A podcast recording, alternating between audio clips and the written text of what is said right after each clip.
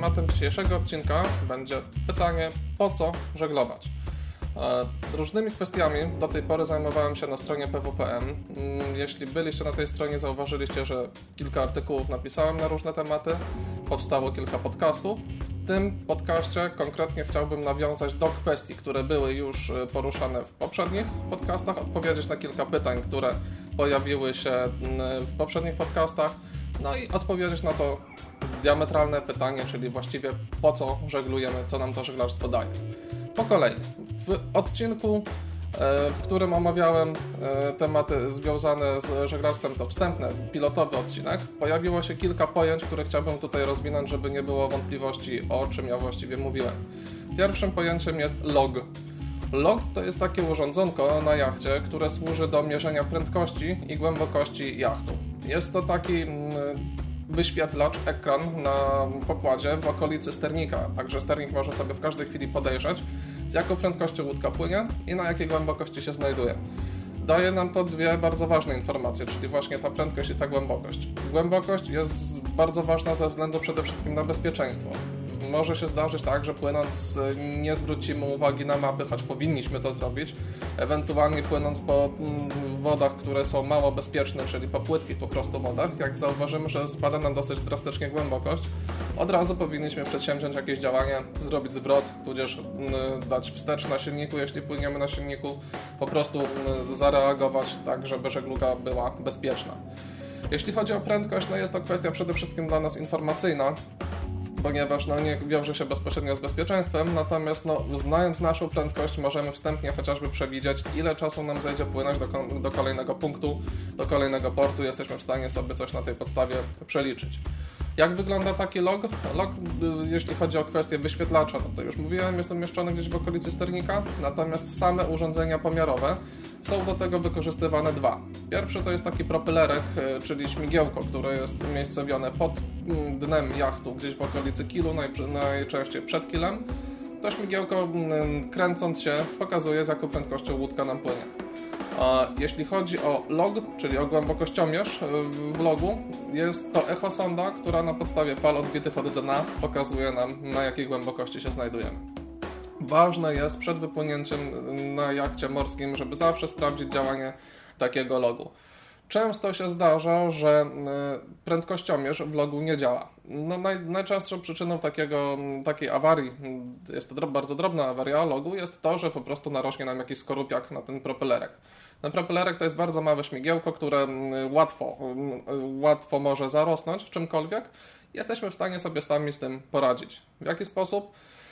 Jeśli widzimy, że mamy log, czyli że mamy to urządzonko na pokładzie, możemy zlokalizować w dnie naszego jachtu. Oczywiście nie musimy nurkować pod dno tego jachtu, tylko wystarczy, że podejdziemy, przejdziemy się pod pokładem, podniesiemy gretingi, czyli tę podłogę, która jest na jachcie i gdzieś w okolicy, najczęściej w okolicy pilersa, czyli tej rury podtrzymującej maszt od dołu pod pokładem, będzie sobie studzienka.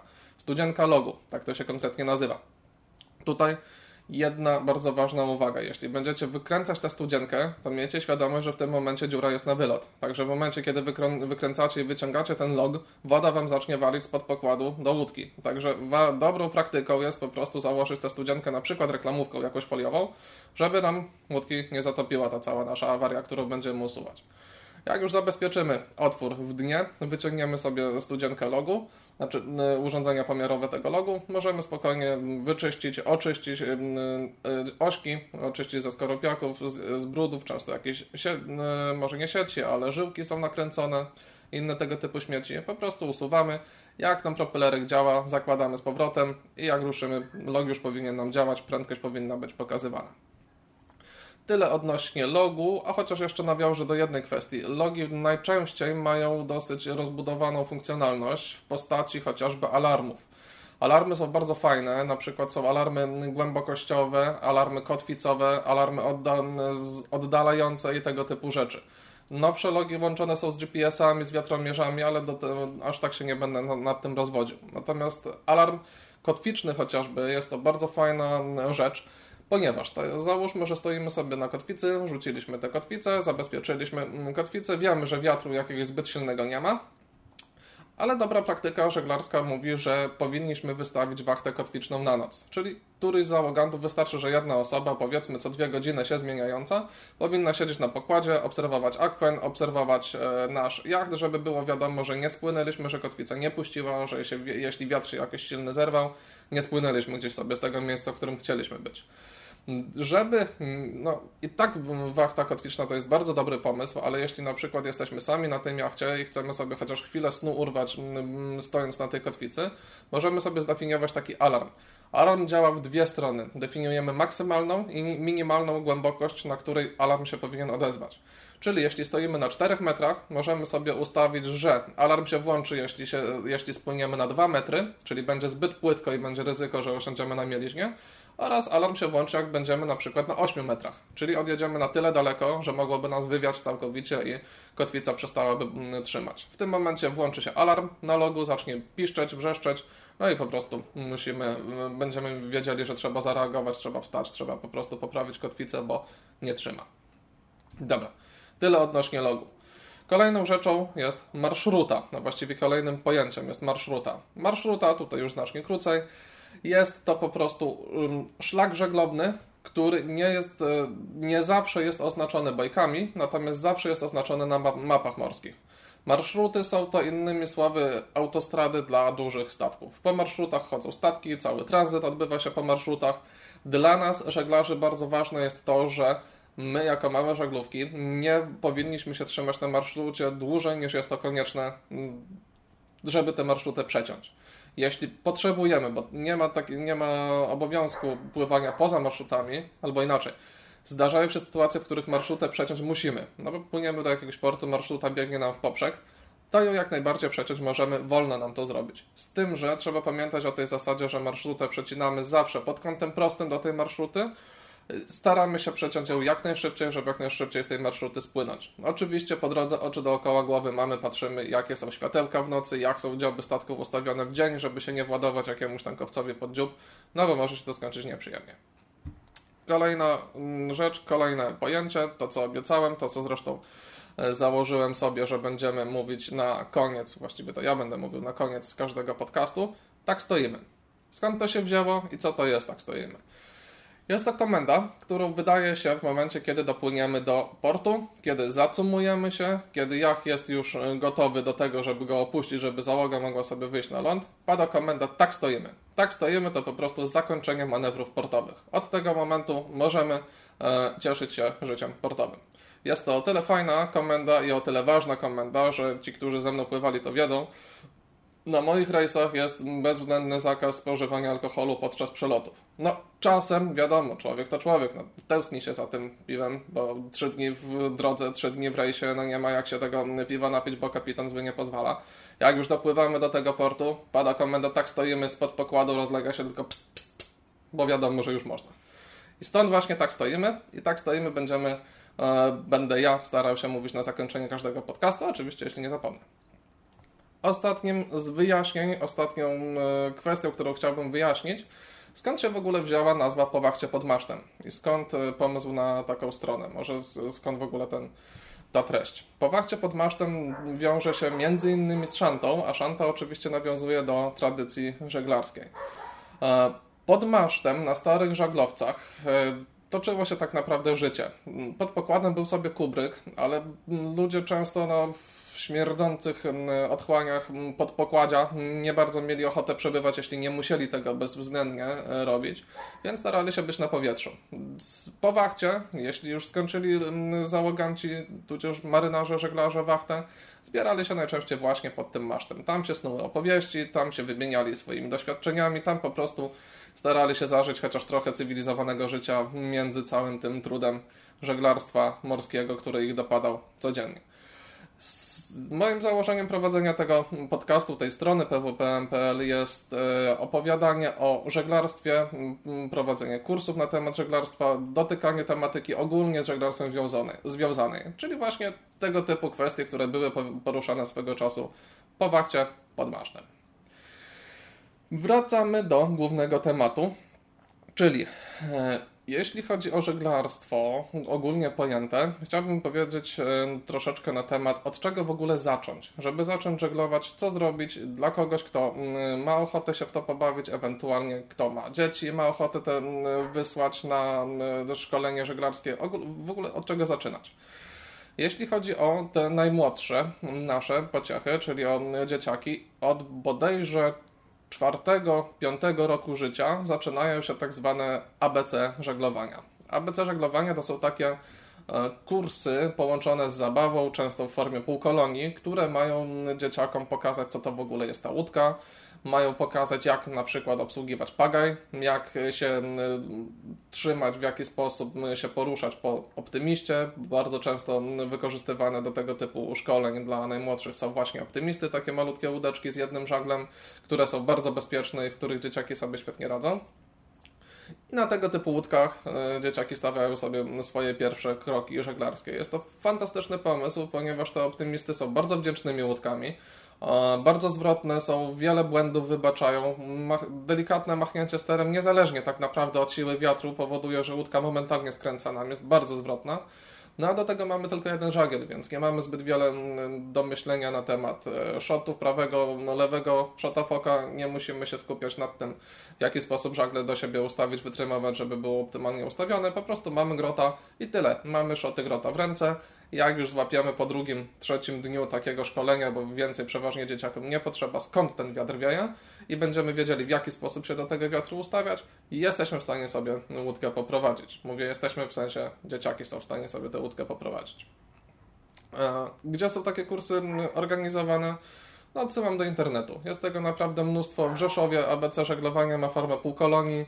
E, na Solinie mm, swego czasu były błękitne żagle, tak zwane Nivea, czyli właśnie optymisty, które e, pływały sobie po tej Solinie, nawet w regatach startowały potem dzieciaki. Dosyć fajnie to wyglądało, bo wszystkie żagle były niebieskie, identyczne łódeczki, naprawdę bardzo fajnie to wyglądało, jak się to wszystko kotłowało tam na linii startu i mety. E, bardzo dużo optymistów jest na mm, Zatoce Gdańskiej, Puckiej, no Gdańskiej przesadziłem, ale Puckiej Dużo optymistów jest na jeziorze Harzykowym, dużo na Jezioraku, naprawdę bardzo dużo oczywiście na Mazurach. Jest to powszechne, jest to ogólnie dostępne, jeśli tylko macie ochotę swoje dzieciaki zapisywać na tego typu szkolenia, można, wystarczy po internetach pogrzebać. Ogólnie dla dorosłych może teraz troszeczkę więcej informacji. Gdzie zaczynać? No ja polecam przygodę żeglarską zacząć jednak od jezior. Można jak najbardziej się rzucić od razu na morze, ale no nie każdemu się to spodoba, nie każdy będzie mm, wiedział w ogóle po co na tym morzu jest, co na tym morzu się dzieje, dlatego ja proponuję, żeby zaczynać e, spokojnie od wód śródlądowych. Z tego względu również, że tutaj możecie się zapisać na szkolenie na patent żeglarza jachtowego, czyli na te podstawowe no, ten podstawowy stopień żeglarski, który nie dość, że e, kurs na tego żeglarza jachtowego, nie dość, że pozwoli Wam poznać bardzo dużo rzeczy, nauczycie się naprawdę bardzo dużo, bo w ciągu takiego szkolenia dostajecie potężną dawkę informacji teoretycznych, ale i praktycznych, co jest bardzo ważne, bo instruktorzy uczą Was, w jaki sposób łódkę prowadzić bezpiecznie, w jaki sposób bezpiecznie i skutecznie dopłynąć do celu, który sobie obraliście. Tego typu szkolenia są bardzo dostępne również. Podobnie jak ABC żeglowania, nie ma najmniejszego problemu, żeby się na taki kurs zapisać, załapać. Jest ich mnóstwo. E, instruktorów też jest sporo. Warto jednak zwracać uwagę faktycznie na to, kto ma szkolić na takim kursie. Warto, żeby instruktor miał troszkę doświadczenia, żeby chociażby trochę też morza liznął, żeby wiedział o czym powiedzieć, żeby wiedział jakie przykłady chociażby ze swojego doświadczenia podać. No, młodzi instruktorzy gdzieś oczywiście zaczynać muszą, ale fajnie jest, kiedy, kiedy zaczynają szkolenia w większym gronie, kiedy instruktorów nie jest jeden czy tam dwóch, tylko instruktorów jest więcej w większych ośrodkach. Wtedy jak najbardziej takie instruktorskie um, predyspozycje młodzi adapci sobie szlifują. E, uprawnienia się przydadzą, patent żeglarza jachtowego bardzo się przyda, bo teoretycznie, o tym wspominałem w pierwszym odcinku, teoretycznie nie mamy mm, obowiązku posiadać uprawnień, żeby prowadzić łódkę na śródlądzie do długości 6,5 metra, natomiast nie będą nam chcieli mm, wypożyczać tych łódek. Czarterowe firmy zabezpieczają się po prostu w ten sposób, że znaczy nawet nie same firmy czarterowe, ale bardziej ubezpieczyciele, którzy ubezpieczają tym firmom czarterowym jachty. Jeśli coś się stanie na łódce przez nas wyczarterowanej, załóżmy, że my nie mieliśmy patentu, Czarterodawca, czyli ten, który nam łódkę wypożyczył, nie dostanie po prostu odszkodowania za tę łódkę. Więc po co nie mają sobie szukać problemów, jeśli wiedzą, że takie są zasady? Po prostu do wyczarterowania łódki potrzebny jest okazany patent żeglarza jachtowego, nie ma innej możliwości. Zdarzają się oczywiście coraz częściej na Mazurach już teraz ogłoszenia typu charter jachtu bez patentu, ale wtedy sam charter jest na tyle drogi, że im się po prostu opłaca tym firmom charterowym, żeby łódka za każdym razem po wypłynięciu zatonęła. Takie wysokie ubezpieczenia płacą, a wy, jeśli chcecie pływać bez patentu, musicie to ubezpieczenie pokryć. Jeśli już mm, przeszliśmy przez Śródlądzie, spodobało nam się, zrobiliśmy sobie patent żeglarza jachtowego, mamy apetyt na więcej, chcielibyśmy popływać troszkę więcej, troszkę szerzej, fajnie by było wystartować na morze. Jakie morze i od jakiego morza zacząć? Według mnie dobrym pomysłem jest, żeby zaczynać od mórz ciepłych. Poczytajcie sobie na temat mm, żeglarstwa ciepłowodnego, zimnowodnego na tych, w tych artykułach, które napisałem na PWPM tam stwierdzam, że mm, obydwa akweny są od siebie bardzo różne. I to prawda. Taki sam urok według mnie mają wody ciepłe, jak i wody zimne. Natomiast jeśli chodzi o początek żeglowania, wydaje mi się, że fajniej dla mm, młodego żeglarza jest zacząć od wód ciepłych. Dlaczego? No dlatego, że jest to zdecydowanie mniej wymagające żeglarstwo. Na wodach ciepłych doznajemy bardzo fajnego, bardzo fajnych możliwości pożeglowania, pozwiedzania mnóstwa ciekawych miejsc, popływania w bardzo ciekawych okolicznościach, pożeglowania między wysepkami, na przykład na takiej Chorwacji stanięcia na kotwicy, Żeglarstwa jest dużo, bo cały czas jesteśmy na wodzie, natomiast rzadko się zdarzają chociażby nocne przeloty, rzadko się zdarzają bardzo zimne temperatury, rzadko się zdarza, że już ma, jesteśmy często skrajnie wyczerpani, jak to na tych zimnych wodach, że jest, docieramy pomału do granic swoich możliwości wytrzymałości, co też jest świetne, bo jak każdemu polecam, kto tylko ma ochotę na zimne wody wyjść, Natomiast y, dla spokoju własnego i dlatego, żeby się raczej zachęcić, a nie zniechęcić, ja bym sugerował wyjechać sobie na mm, rejs tygodniowy na Chorwację. Od tego zacząć i zobaczyć, czy nam się podoba. Czy nas bardzo mocno choroba morska męczy? O chorobie morskiej też mówiliśmy w poprzednim podcaście. Czy y, ta choroba nam przeszkadza na tyle, że czujemy na tyle duży dyskomfort, że wiemy, że to jednak nie będzie nasza pasja. Mam jednego załoganta, który twierdzi, że on tylko po ciepłych wodach, bo jeśli dłużej niż te 12 godzin na wodzie spędzi, to po prostu się czuje na tyle zmęczony, pomimo, że mu trzeciego dnia przechodzi choroba morska i tak twierdzi, że woli jednak pływać po śródlądowych wodach, bo po co mu tracić te dwa dni na chorobę morską. Jest w tym jakaś logika, jak najbardziej. Natomiast Człowiek na Bałtyku był, spróbował, dowiedział się, że faktycznie yy, przechodzi tę chorobę morską dosyć ciężko, no i stwierdził, że on wybiera ciepłe wody. Wolno mu, jak najbardziej ma do tego prawo, do tej pory żegluje, bardzo sobie chwali.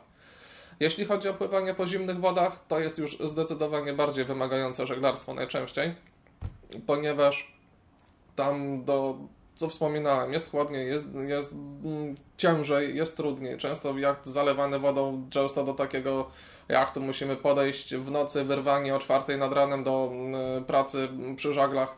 Nie ma innego wyjścia. Jacht musi płynąć, a wozić, za przeproszeniem, dupę na plecach kolegów, no po prostu się nie da, bo koledzy na to nie pozwolą. Nie ma innego wyjścia. Kolejnym tematem, którym się zajmiemy, jest żeglarstwo jako wypoczynek. Czyli ta bardziej turystyczna strona żeglarstwa, bo ja tak straszę, mówię o tym, że żega się na tej wodzie, że zimno, że mroźno, że w ogóle sięgamy granic swojej wytrzymałości i tak dalej, i tak dalej. Ale to nie tylko tak. To jest oczywiście dla ludzi, którzy tego chcą i wiedzą, czego chcą, i wiedzą, że chcą popłynąć na te zimne, ciężkie wody, żeby właśnie w ten sposób, jak to ja nazywam, odchamić się żeglarsko.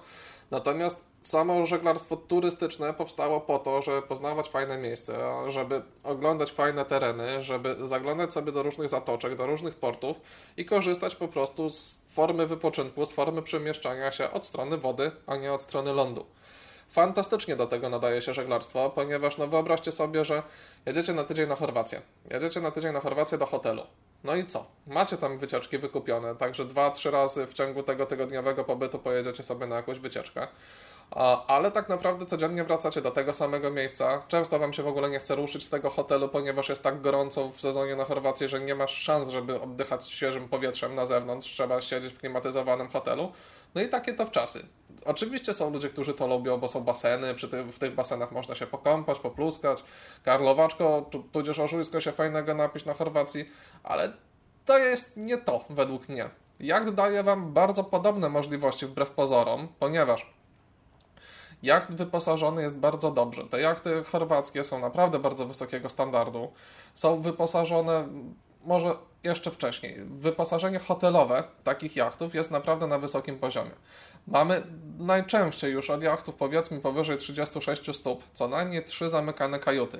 Kajuty, czyli po prostu pomieszczenia mieszkalne. Te kajuty są najczęściej dwuosobowe, czyli otwieramy sobie drzwiczki, wchodzimy do kajuty, mamy dwuosobowe łóżko, zamykamy drzwiczki i mamy pełen komfort. Po prostu jesteśmy jak w pokoju hotelowym.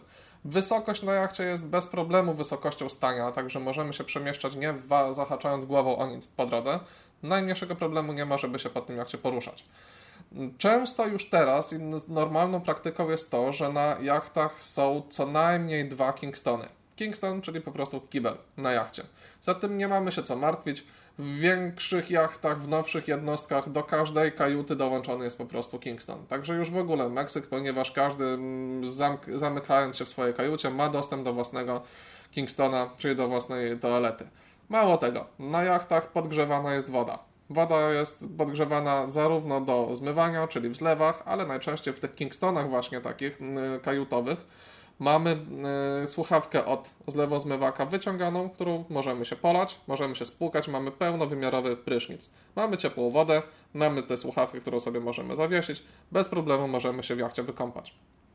Dodatkowo fajną opcję daje nam prysznic, który, który jest właściwie już teraz standardem też na tych ciepłych y, jachtach, że tak się wyrażę, czyli na jachtach pływających po ciepłych wodach czyli e, prysznic na rufie jachtu. Na rufie jachtu najczęściej są platformy, z tej platformy e, opuszczane do wody drabinki.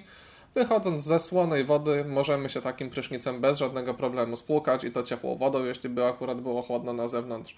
Mamy pełne zaplecze, jeśli chodzi o, sanitarne, o sanitariaty. Dodatkowo na jachtach normalną praktyką są lodówki, normalną praktyką są kuchenki, kuchenki na kardanie, o tym kiedyś jeszcze porozmawiamy, jeśli będziemy sobie przy okazji rozmowy na temat budowy jachtu, tudzież wy, przepraszam, wyposażenia jachtów.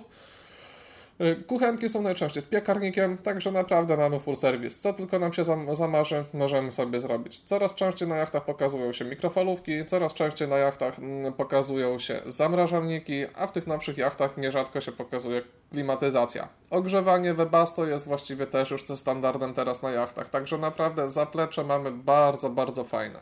No i weźcie pod uwagę, że taki hotel nie stoi codziennie w tym samym miejscu, nie musicie wracać do tego samego miejsca, tylko cały hotel się tak naprawdę przemieszcza. Codziennie stoicie w innym miejscu, w innym porcie, w innej zatoce, zwiedzacie inne miasta, chcecie płynąć w nocy, hotel wam w nocy nie popłynie, a jacht jak najbardziej. Możecie sobie przepłynąć, zrobić przelot nocny, po to, żeby wpłynąć do portu w ciągu dnia i pozwiedzać sobie port za dnia. Mnóstwo możliwości daje takie żeglarstwo z wody. Fajną, fajnym porównaniem jest chociażby to, że jeśli kiedyś przejeżdżaliście jakieś nadmorskie miejscowości samochodem stwierdziliście, że fajne miejsce, bardzo fajnie by tutaj było popływać, to jak sobie już dojdziecie do tego, że popłyniecie w tamte miejsca i zobaczycie te wszystkie miejsca od strony wody, nie od strony lądu, zwrócicie uwagę, że to jest totalnie różnica, zupełnie inaczej, zupełnie inny, inne odbieranie tych samych miejsc z, od strony morza. Fantastyczne uczucie, polecam. Jeśli chodzi o mm, mobilność jachtu, powiedzieliśmy sobie. Jeśli chodzi o zmianę otoczenia tego mm, z, za mm, burty, jak najbardziej codziennie gdzie indziej, codziennie w innej zatoce. Co kto lubi, co, kto, czego szukamy. Możemy stawać w dużych miastach, w dużych portach, chodzić na imprezy, kosztować kulinarii lokalnych, nie ma problemu. Macie ochotę zaznać ciszy, oderwać się od cywilizacji, stajecie sobie w cichej, fajnej, przytulnej zatoczce, rzucacie kotwicę, nikogo dookoła nie ma, tylko wy i wasz jacht i tyle. I macie święty spokój, macie to, czego chcieliście, czyli całkowicie odrywacie się od tego zgiełku, no, od którego coraz więcej już z nas chciałoby się oderwać faktycznie na dobre. każdy, każdy znajdzie coś dla siebie w żeglarstwie. Rejsy dobiera się przeważnie pod kątem wymagań załogi. Jeśli są ludzie, którzy mają ochotę pożeglować, a średnio interesuje ich stanie w portach, żeglujemy do podwego, ile tylko będziemy chcieli, na ile nam czas pozwoli. Jeśli ludziom zależy na tym, żeby zwiedzać, uprawiać turystykę wodno-lądową, jak najbardziej daje to możliwości. Wszystko jest dozwolone, wszystko jest możliwe do zaplanowania, nic nas nie ogranicza. Żeglarstwo, kolejny punkt, na który chciałbym teraz zwrócić uwagę, jest taki stereotyp, który twierdzi, że żeglarstwo jest bardzo ekskluzywnym i bardzo drogim sportem. No nie do końca. Tak naprawdę ceny czarterów teraz, obecnie, są dosyć porównywalne do ceny wynajmu pokoju w hotelu w jakimś ciekawym miejscu. Na przykład, no już jak się czepiłem tej Chorwacji, to będę kontynuował. Doba w nie wiem ile doby kosztują konkretnie, ale z ostatnich doniesień znajomych, którzy mi opowiadali, że na Chorwacji spędzili tydzień czasu, czyli 7 dni, z atrakcjami różnymi, z posiłkami, z całą resztą, mm, taki wypoczynek kosztował od głowy ich 1600 zł. Mało, nie mało? Chyba standardowa cena. Natomiast jeśli chodzi o rejsy morskie, przynajmniej to, co mi się udało w zeszłym roku zrobić na fajnym jachcie z dobrej firmy czarterowej, gdzie jacht był naprawdę bardzo, bardzo taki mm, dobrze wyposażony, zadbany. Nie najnowsza jednostka, ale fajna, dzielna i szybka. Całość włącznie z wyżywieniem, z opłatami portowymi, z paliwem do silnika i z całą resztą, oprócz alkoholu oczywiście, zamknęła się na głowę w 1400 zł.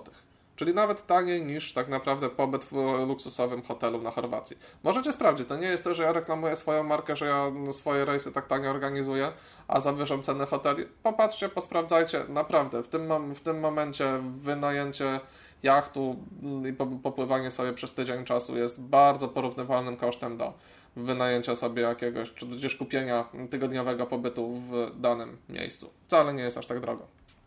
Dodajmy do tego, że jeśli byście chcieli sobie popływać, pojeździć, załóżmy po Chorwacji, chcielibyście wypożyczyć samochód, no to nie dość, że pożyczacie ten samochód, za który musicie zapłacić, to jeszcze musicie płacić za paliwo. A na wodzie, jeśli chodzi o żagle, na żaglach pływa się za darmo. Nic was to nie kosztuje. Dopiero przy manewrach portowych odpalamy silnik po to, żeby do tego portu wejść, żeby z tego portu wyjść, ale to są naprawdę niewielkie ilości w stosunku tygodnia spalania, bo taki silnik potrafi palić 4-3 litry ropy na godzinę, także nie są to naprawdę bardzo duże koszta. Macie ochotę, możecie sobie przeliczyć. Jeśli chodzi o e, opłaty portowe i postoje jachtów w portach. No, co kraj to obyczaj. W wielu krajach bardzo różnie te ceny się mm, klasyfikują. W Polsce jest stosunkowo tanio, na Chorwacji jest stosunkowo drogo, ale też zależy gdzie na Chorwacji można znaleźć takie miejsca, które nie są marinami ACI. E, co to jest marina ACI jeszcze powiem później. Natomiast e, są w równie dobrym standardzie bardzo kameralne, takie fajne miejsca, które kosztują naprawdę niewiele. Do tego stopnia, że jak stoicie na kotwicy w zatoczce, to nie płacicie za postój nic, a oprócz tego często się zdarza tak, że hotele po prostu, albo, no może nie hotele, ale bary, knajpy, tamte konoby chorwackie, udostępniają miejsce cumownicze przy samym swoim nabrzeżu, pod warunkiem, że kupujecie po prostu obiad kolację w takim miejscu. Czyli nie płacicie za postój de facto, tylko jesteście zobligowani, żeby załoga kupiła jedzenie w danym barze. Fantastyczna rzecz, bo i tak prawdopodobnie byście mm, chcieli zjeść, i tak prawdopodobnie byście chcieli kiedyś chociaż raz, dwa razy w ciągu tego rejsu skosztować lokalnych potraw, więc dlaczego z czegoś takiego nie skorzystać? Bardzo fajną praktyką na Chorwacji, która mnie urzekła wręcz, jest to, że Czasami do tych barów nie ma bezpośredniego dojścia z wody, czyli nie mamy możliwości jachtem dużym przycumować przy samym barze, Natomiast możemy postawić łódkę na kotwicy w okolicy i małym pontonikiem dopłynąć po prostu do brzegu. Albo często zdarza się tak, że z tych hoteli wypływa motorówka. Jak tylko zobaczą, że jakaś łódka zacumowała w okolicy, wypływa sobie ta motorówka, podpływa, pyta, czy zabrać ludzi na ląd. Jeśli, jeśli jeszcze nie jesteśmy gotowi, to uwaga, zabierają śmieci z jachtu. Po prostu przypływa taki człowiek, odbiera od nas śmieci, żeby im tam nie zaśmiecać tej zatoki i wyrzuca sobie gdzieś do kontenerów. Świetny pomysł, bardzo mi się to spodobało, a wręcz zachęca do tego, żeby potem z takiego gościnności lokalu skorzystać. Dobra.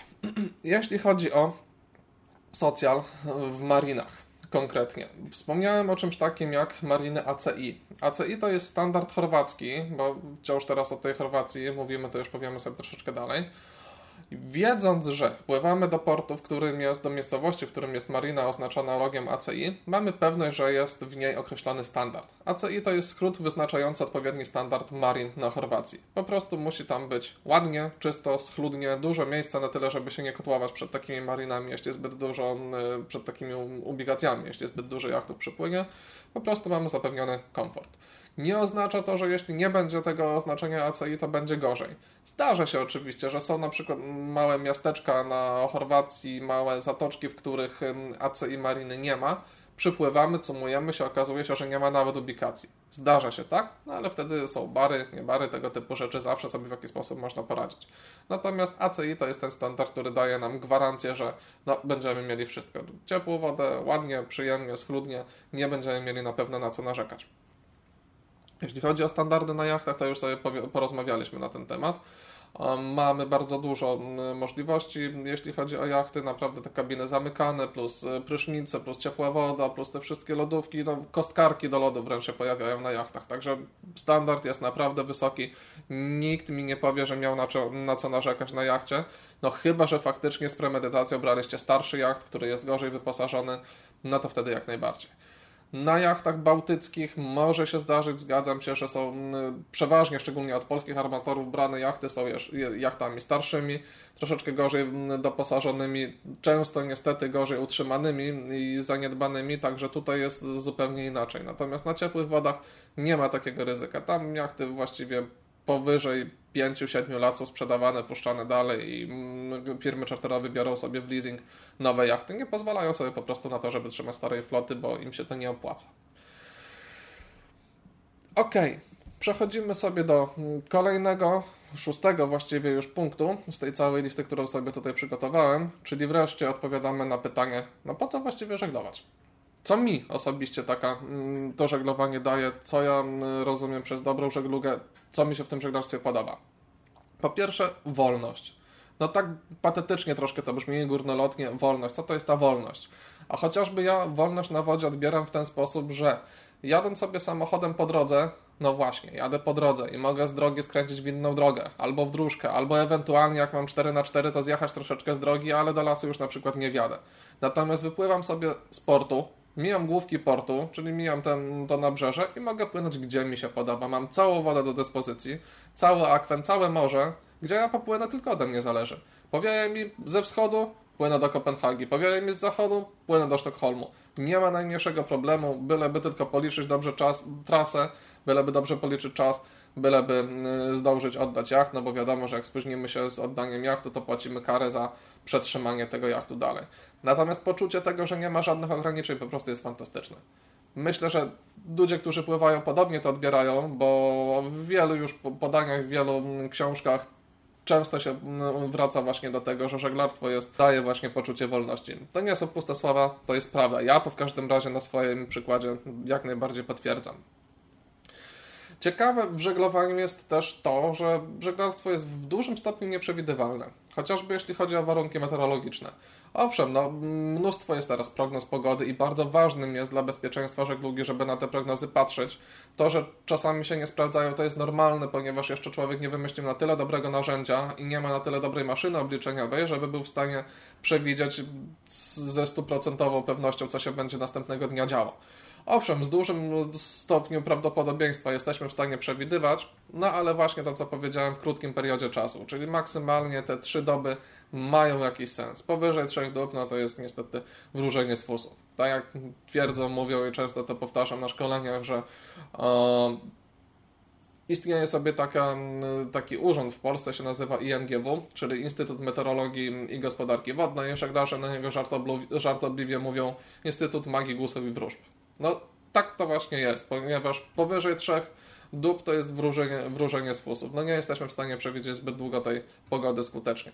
Czyli te wszystkie długoterminowe prognozy pogody, które podają nam na przykład w telewizji, to działają na zasadzie takiej, jak mówią Kaszybi, że jak się mewa skrobie prawym skrzydłem po lewym oku, to będzie deszcz. Tak samo można odczytać to z tych długoterminowych prognoz pogody. Sorry, niestety tak jest. To, że warunki pogodowe są nieprzewidywalne, to jest z jednej strony może i groźne, ale z drugiej strony fajne, bo tak naprawdę wypływasz i musisz być gotowy na wszystkie warunki, na wszystkie, wszelkiego rodzaju warunki. Nie ma czegoś takiego, że płyniesz sobie i wiesz, że w ciągu tygodnia będzie cały czas słońce. No nie, no w każdej chwili może przywalić jakimś sztormem. Jeśli nie zdążysz spłynąć do portu, to musisz sobie z tym radzić. I nie ma tak, że okej, okay, to może na jutro się przygotuję na to, żeby temu sztormowi stawić czoła. No to sztorm ci powie, kiedy masz być na niego gotowy i tyle. Ty masz być przygotowany zawsze. To, co już kiedyś mówiłem, powtórzę i będę powtarzał jeszcze zapewne nieraz, co mówił pan Henryk Jaskuła, kapitan, że może nie jest złe, może po prostu nie wybacza partactwa. Jeśli jesteś dobrze przygotowany, nie ma najmniejszego problemu, nie powinno się nic złego dziać. Prozaiczna kwestia, która mnie przekonuje do żeglarstwa, świeże powietrze. No nigdzie nie znajdziecie tak fajnego, świeżego powietrza, no może w górach, owszem, ale też nie do końca, no bo większość tych ciepłych oparów jednak idzie w górę. Natomiast na wodzie, no nie ma skąd się brać zanieczyszczone powietrze. Poza tym przy silnym wietrze chociażby ta ilość ozonu, ta ilość jodu, która się tam nad tą wodą unosi, którą my wdychamy, którą oddychamy, no fantastyczne rzeczy z człowiekiem robi. Naprawdę dużo lepiej, dużo przyjemniej się oddycha na takiej wodzie, na morzu, jeśli jesteśmy, czujemy to, co się dzieje dookoła, czujemy ten wiatr. Bardzo, bardzo przyjemne uczucie. Polecam. Kolejna kwestia przekonująca mnie do żeglarstwa, no nowe miejsca ja naprawdę bardzo dużo świata zwiedziłem dzięki temu, że pływam właśnie. No w życiu bym tyle nie objechał samochodem. W życiu nie byłoby mnie stać, żeby wycieczkami sobie gdzieś objechać ten świat dookoła. A ja na przykład w wieku 20 lat znałem większość portów Bałtyku. Byłem w Danii, w Szwecji, w Niemczech, na Litwie, na Łotwie. Tylko dzięki temu, że pływałem, że żeglowałem. I to mało tego, tak naprawdę żeglarstwo może być jeszcze tańsze, jeśli będziecie w tym żeglarstwie dobrzy pod tym kątem, że będziecie po prostu robić uprawnienia żeglarskie i zaczniecie prowadzić swoje rejsy.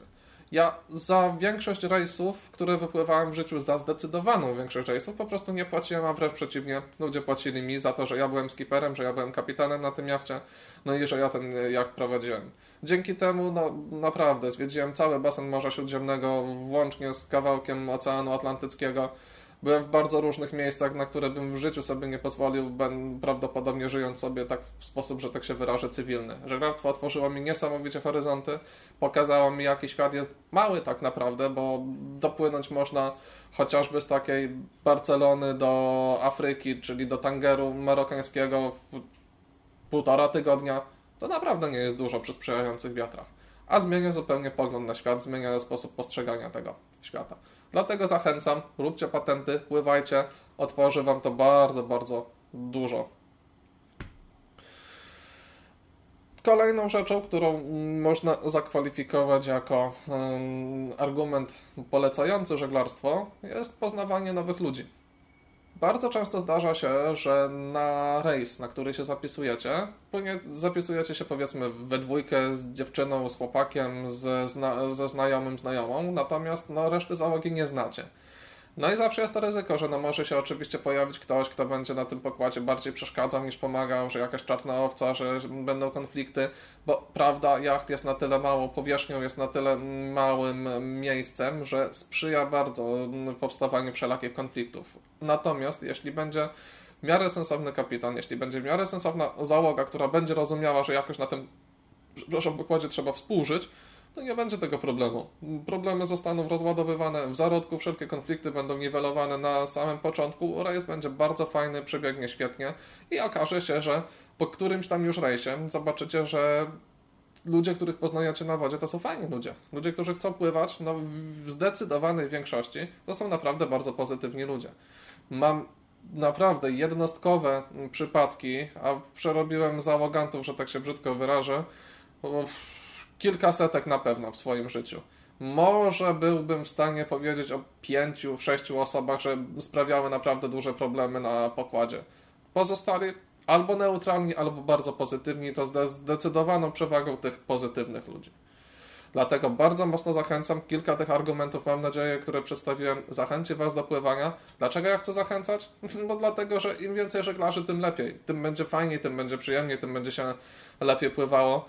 Dodatkowo, jeśli taki kursant wyjdzie spod mojej ręki, wierzcie mi, satysfakcja niesamowita. Wszystkich Was, których szkoliłem, którzy to no, słuchacie, możecie mieć tego pełną świadomość, że sprawiliście mi wielką satysfakcję tym, że zdaliście ten patent, że w ogóle go zdaliście. No ale że zdaliście i że pływacie. To, że się czasami spotykam z kursantami na wodzie, na Solinie na przykład, bardzo fajna rzecz, jeśli ludzie mnie pamiętają, a przeważnie myślę, że mnie dobrze wspominają. Bardzo fajne uczucie. Będziemy kończyć pomału ten dzisiejszy odcinek. Nagadałem się dosyć mocno. Natomiast na sam koniec chciałbym jeszcze zwrócić się bezpośrednio właśnie do swoich kursantów, których kiedykolwiek w swojej karierze instruktorskiej szkoliłem. Proszę Was o pomoc w kwestii no, technicznej i merytorycznej prowadzenia tych moich podcastów, tej mojej strony PWPM i mm, przyszłych szkoleń, które mam e, w planie poprowadzić. Znacie mnie, znacie mój sposób prowadzenia zajęć, znacie mój sposób prowadzenia zajęć zarówno na lądzie, jak i na wodzie. Napiszcie w komentarzach albo odezwijcie się, czy to na Facebooku, czy to na stronie pwp.pl przy tym podcaście, tudzież gdziekolwiek w komentarzach. Napiszcie, co Wam się podoba, a co Wam się nie podoba w sposobie mojego prowadzenia. Czy na przykład mówię za szybko, czy mówię niejasno, na które sytuacje powinienem zwracać bardziej uwagę, czy mówię zbyt trudnym językiem, czy mówię zbyt e, błahym językiem.